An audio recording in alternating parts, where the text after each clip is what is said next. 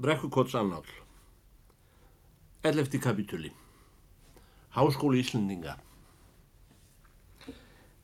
Það var síður á Íslandi frá fornu fari á öllum sæmilegum bæjum að þar til hæður maður veri látin lesa upphátt úr sögubókum eða hveða rýmur fyrir heimilisfólkið á síðkvöldum og stitti svo þjóðin stundir fyrir sér. Sumir hafa nefnt þessar kvöldvökur Háskóla Íslandinga. Gamalt fólk sem hafði gengið í þennan háskóla í 80 ár eða lengur var farið að kannast við pensúmið sem vonlegt var. Sagnalestur og rýmnakveðskapur var í brekkukoti engum stundadur af gestum sem voru hjá okkur tíma og tíma ellegar aðeins um nætursækir því eins og fyrr segir var afi minn Björn í brekkukoti ekki bókamaður umfram nöðsinn gestir úr fjarlægum sveitum reyndust okkur oft góðir skemmtimenn. Norrlendingar voru bestir engum skagfyrðingar. Þetta voru hetjulegir menn í vaðstígvélum þar sem sunnlendinga letu sér næja að vera í skinnsokkum. Þeir moruðu í skálskap, góðum og vondum og höfðu lántum hressilegra málfar en við og þegar maður úr skagafyldi var sestur inn á gafli hjá okkur og tekin til við úlvarsrýmur undir skagfyrðinga stemmu með hennu skilduga upphafi um Sýrus konung. Þá blasti við víðátta söguljóðsins bragandi í annarlegum liftrum alla leið austur í heim.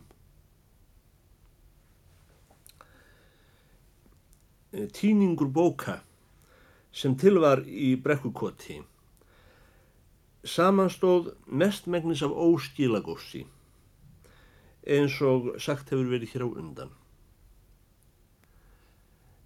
Samt var auðveldara en margur myndi higgja að kjærfa samt þetta, bókfræðilega. Það bar gestum okkar sérstakt vitni. Engum í þá veru að þar hefðu fleiri verið vinir kappa, riddara og stórsiglinga en hinnir sem aðhylltust danska rómani.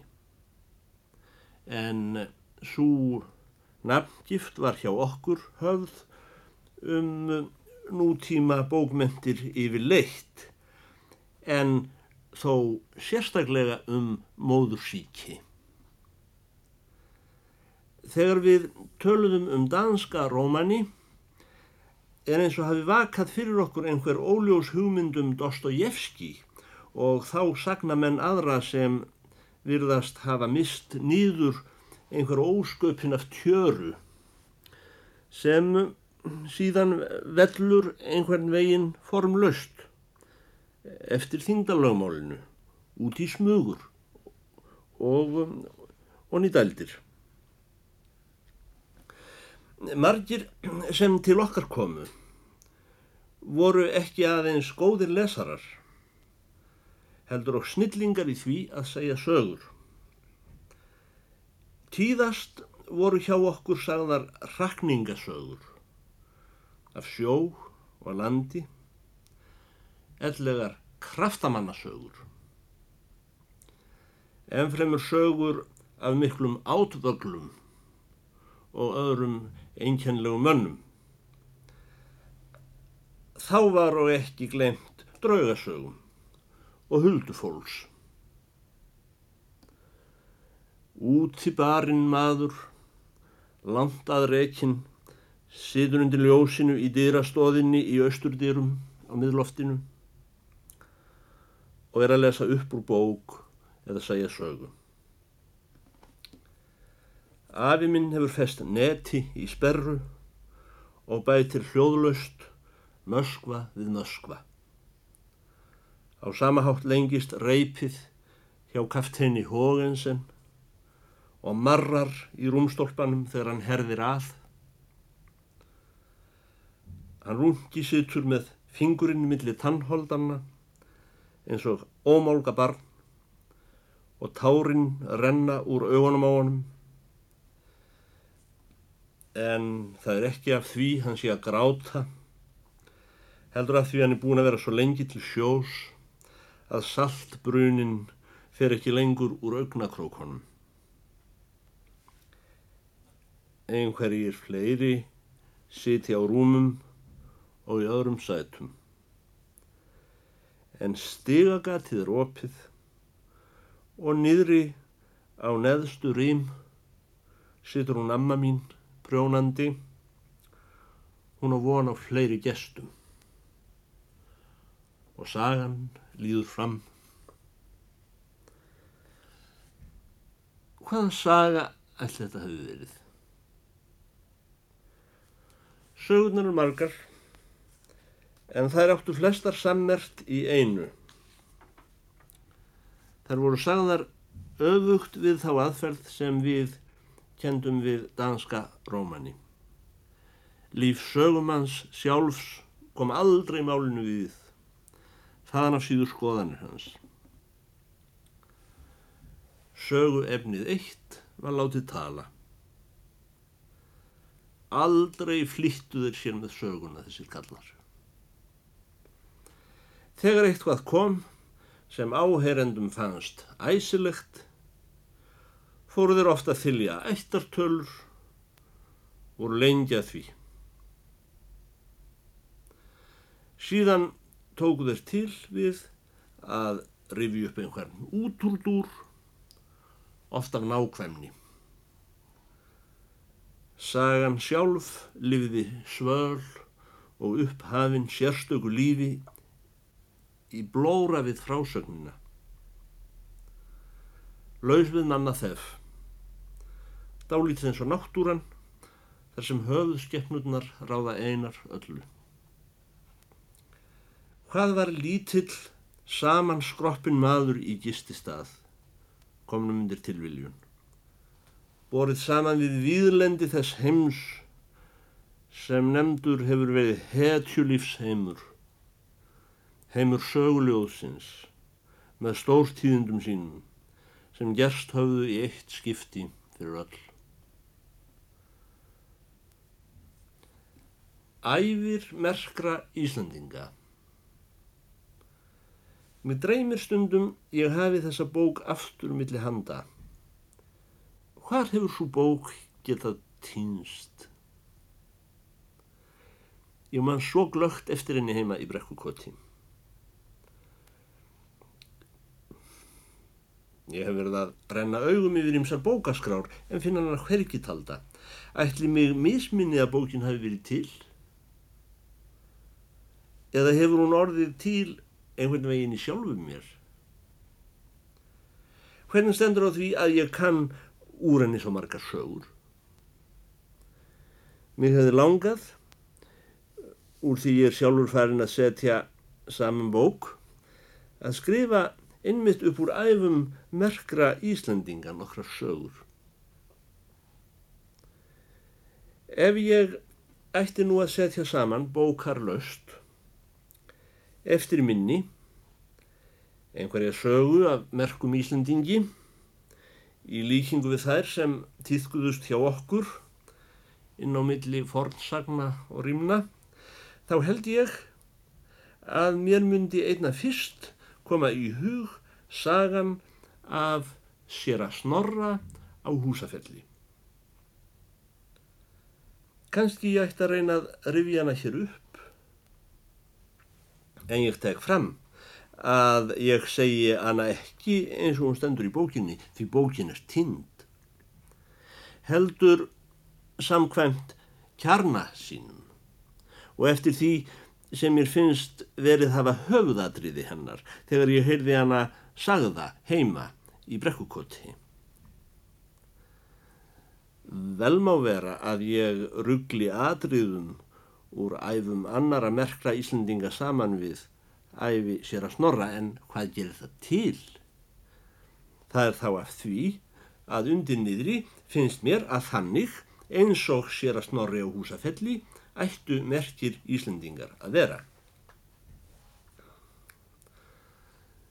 Sér að snorri var manna mestur og þreknastur og kallmannlegastur. Þó var hann í flestum íþróttum léttur fram á efri ár sem dragam á af því að hann var þá á sjötugs aldri er hann stökk yfir hvítá í rauntaglinu fyrir neðan á húsafelli. En þá er hann var sjómaður undir jökli í æsku sinni, snöri hann á flesta menn, er á móti honum röru. En svo var hann fiskinn að þó hann rendi þar dorg sinni sem flestir menn tóldu döðan sjó og ekki urðu aðrir varir, þá dró hann fiska í sífellu.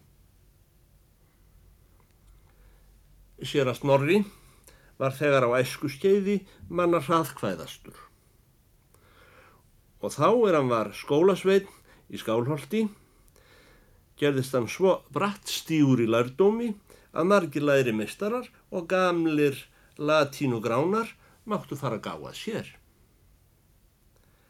Er það í minnum haft að um það bíl sem hann útskrifaðist úr skóla þá ber þar að gardi franskan Tignarmann á staðnum og hafði sá meðferðis látínu bók eigi allitla og var látína á þeirri svo hardsnúin, engum á setnipartinum, að þar var engin maður í læri fæðra tölu er þættist geta útlagt slíkan texta. Var þá til kvattur Snorri á húsafelli.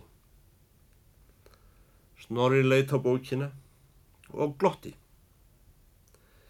en síðan tók hann til og snaraði á íslensku hverju orði sem þar var í letur fært, rétt eins og það væri annað móðurmál hans og stóðu kringum hann prestar, læriföður og fransmenn eins og nokkrir sólargapar af undrun yfir slíkum lærdómi. En þá var Snorri var spurður þess mörgum árum setna hvílig svo látína hefði verið er þar ráku skálholts prestar í vörðunar. Þá hlæðir hann við lítinn þann og segir að slíkt var eigi furða með því fyrri helmingur bókarinnar var á grísku en setni parturinn á hebresku. Sér að Snorri á húsafelli var slíkur glímum aður að það er haft fyrir satt að sá prestur hafi ekki komið á sínótus í meir en halva öld sem hafi staðlunum snúning. Enganlega var hann duglegur að fljúast á við nöyt. Eru af því margar sögur hversu hann oftlega á ferðum sínum hljóp undir manníga gríðunga, tók þá fangbróðum og snörið þá niður. Þess er á getið að hann hafi fellt blámann á mjadmarnikk út í kaupmannskipi við stapa. Það er og haft eftir skjallegum mönnum að sér að snorri hafi lagt skessu á holdavörðu heiði lagði hann hana á skessubræði. Járnsmiður var sér að snorri svo mikill að það var trúmanna í borgarfyrði að hann kynni kaldabras. Hann var á slíkur tóbaksmaður að þá er hann fór á annexíu að kalmanstungu að syngja en það er beitarhúsaleið frá húsafelli Þá reyti hann með sér til einna nætur tvo hrútskilla, skekna og tróðna með neftóbak. Hann var og hinn mest í söngmaður. Nú verður nokkuð frá sagt skálskap sér að snorra á húsafelli. Það er alþjóðu mál og styrkist á nokkrum lærðum mönnum að þeir eh, rýmnameistarar sé til er jafn dýrt hafi orð og sér að snorri þar sem þeim tekst best en fáir dýrar. Hann hefur orð þessa vísu. Einar rolla í sögðasoll sérum hodlar grundir var mó kollótt þorna þoll þótti tolla undir. Þótti tolla undir. Hann hefur orrt fjölda mikinn rímna og eru Jóhannurraunir þar mestur flokkur. Svo er sagt að einhvern tíma hittust þeir á kjálvegi sér að Jón Skáld Þorlóksson sem þá var af útlendingum haldinn mest skáld á Íslandi og að Snorri á húsafelli. Sér að Jón Skáld ljóðar þegar á sér að Snorra svo látandi. Ljótar bölfuð blekkingin, blindar á lífsins kjálveg, sér að snorri svarði samstundis. Þá er verst ef þekkingin þjónar henni alveg. Síðan tóku þeir ofan hór fyrir öðrum og meldust ekki fleira við, helt hór sína leið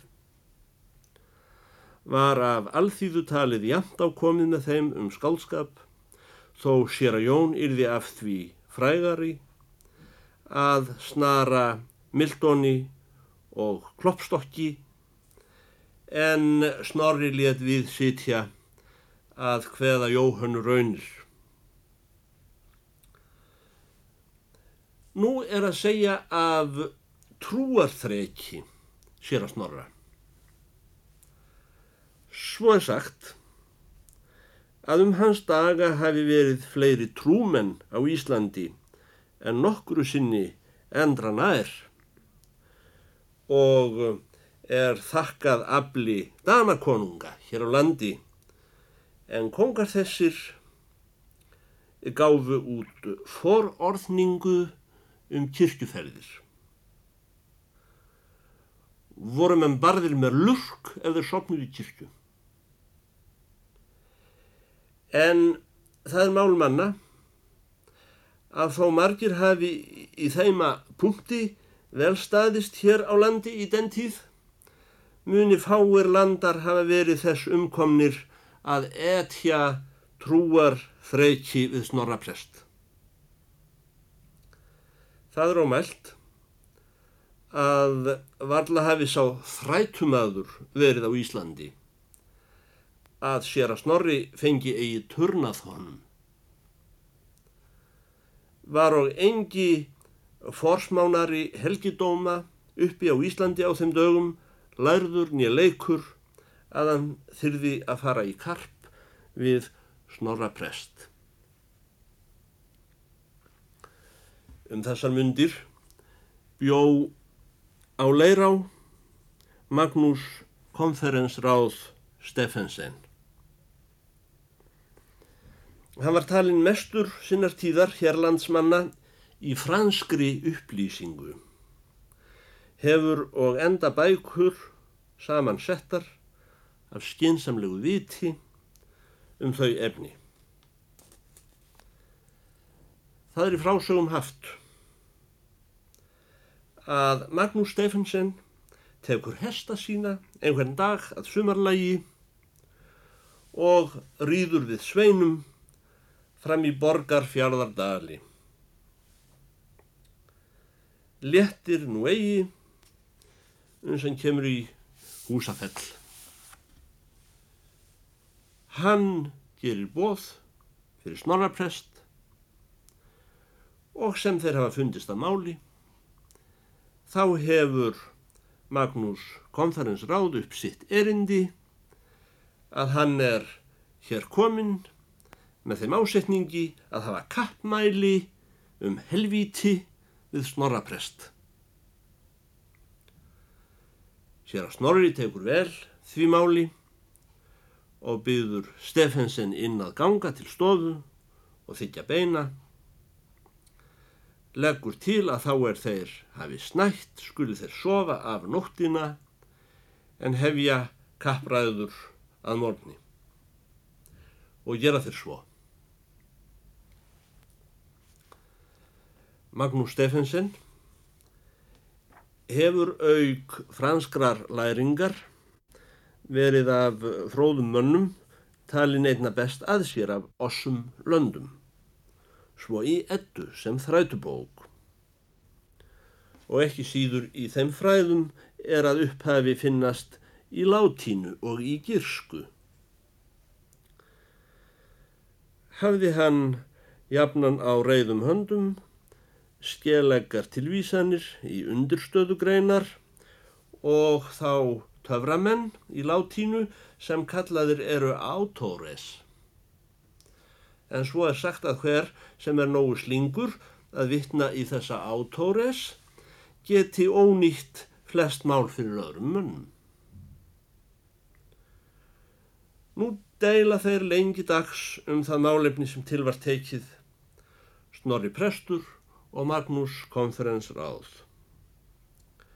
og neyta lærdómsbræða og rögvísi og þreyttum elskulist hór við annan. Var þar vittnað í Átórez sem fyrr voru ritaðir af miklu kappi og af meira kappi en áður hefur heyrst í einni stofu á Íslandi. Enda drukku þeir svo mikla síru meðan ástóð þrætunni að fjórar griðkonur höfðu í fullum höndum að bera að þeim og frá. Þar voru til vittnis hvaðir Átórez, allt vestan úr Írlandi, um Frakland og Rómaveldi, allar götur austri Moskóvíen og sumir segja nokkrir úr Kínaveldi voru þar leytir saman svo fátíðir spekingar sem Avicenna og Averroes og var lengi ósýnt hór kappræðenda myndi bera hinn efra skjöld. Þó hafa með það fyrir satt að þegar nærleið kvöldi hafi nokkuð tekið að halla á snorra prest uns þar kom að viðlá að kerði um þverbak fyrir honum. Af þeim sögum er Steffensen konferensráði tókst að veiða upp grein nokkra heldur fáherða eftir tannagnjóstinn Abrakadabra sem verið hefur á dögum í Persíu sjööldum fyrir Krispurð. Hafiði sér að snorri? Eigi heyrt þessa klerks getið áður? Og stóð upp í berskjaldadur með öllu? Að mæta þeirri harð snúnu og illmúruðu villu er fólst í tilvísan þessari. Tjóaði lít þó snorri hæfist upp við Magnús að vísmundi abrakadabra þessi verið hafa einn herjanssonur setur nú snorraprest hljóðan um stund. Og voru þá erna sneflar á honum ornir eins og tveir nokkuð stórir belgir, út tútnaðir sækir olgu, er orðin var í blóði hans, af rökum þeim er Magnúsi Stefensen konferensráði, hafiði tekist að draga fram eftir abrakadabra í gegn helvíti og sem nú sér að snorri hefur verið hljóður um stund. Sækir hann enn í sig veðrið og mælir svo við konferensráðið. Vilt þú, Magnús, ganga með mér hérna upp í bæjarfjallið litla stund? Stefensen dregst á þetta. Ganga þeir nú upp í fjallið. Og sem þeir hafa gengið í fjallinu um hríð, þá leiðir snorri prestur gestsinn þar í einn gíl skorning og sínir honum niður í gjá nokkra sem þar verður. Leggur upp þaðan reik og brælu með fílu ólítilli. Og sem nú Snorri hefur lokkað konferensráðið til að rína um stund ofan í gjá þessa, þá er sagt að þar í neðra hafi sínir borið fyrir augu þessum hálærðum valdsmanni og þjóðkunum skynnseimistrúar manni er all fásíanar megu teljast og voru þar sumir hlutir í bland heldur leiðinlegir og næsta óþarfir. Svo fræðimenn hafa skýrst við að færa slíkt í letur. Og af þeirri sín verður Magnús konferensráð skjálkaður nokkuð svo tekur nú til fótanna allt hvað af tekur og renn heim til bæjarhúsa hann kallar á sveina og byður þá hafa til hesta sína þegar hveðst í þessum stað sjálft helvíti augum barið hafa og rýður á brott af húsafelli á því kveldi. Það er annað dæmi af trúarþreki og andlegum krafti sér að snorra er hann sangaði saman draugum þeim flestum svo og skottum og andskotum er þá voru á reiki um ofanverðan borgarsjörn og let þar fljóta í meðal nokkurt smá kraðak sem jafnan verður til óþryfnaðar í sveitum, snakka, tilbera, fjóstrauga og eh, margvíslegar sendingar en þær voru sumar hverjar ætlaðar snorrapresti sjálfum af öfundarmönnum hans. Þennar söpnuð lætur nú snorri prestur koma að húsafelli, setur þeim stefnu í sólarróð á hvítasunum morgun hjá stóra steini við réttar hornið þar utanvert í húsafellstúni. Þessir gestir voru 21 talsins. Hefur snorrið það að fyrirslætti að hann vil syngja svörtumessu fyrir þessu hiski en í þeirri messu er signingu fadir vori og amen snúið öðugt.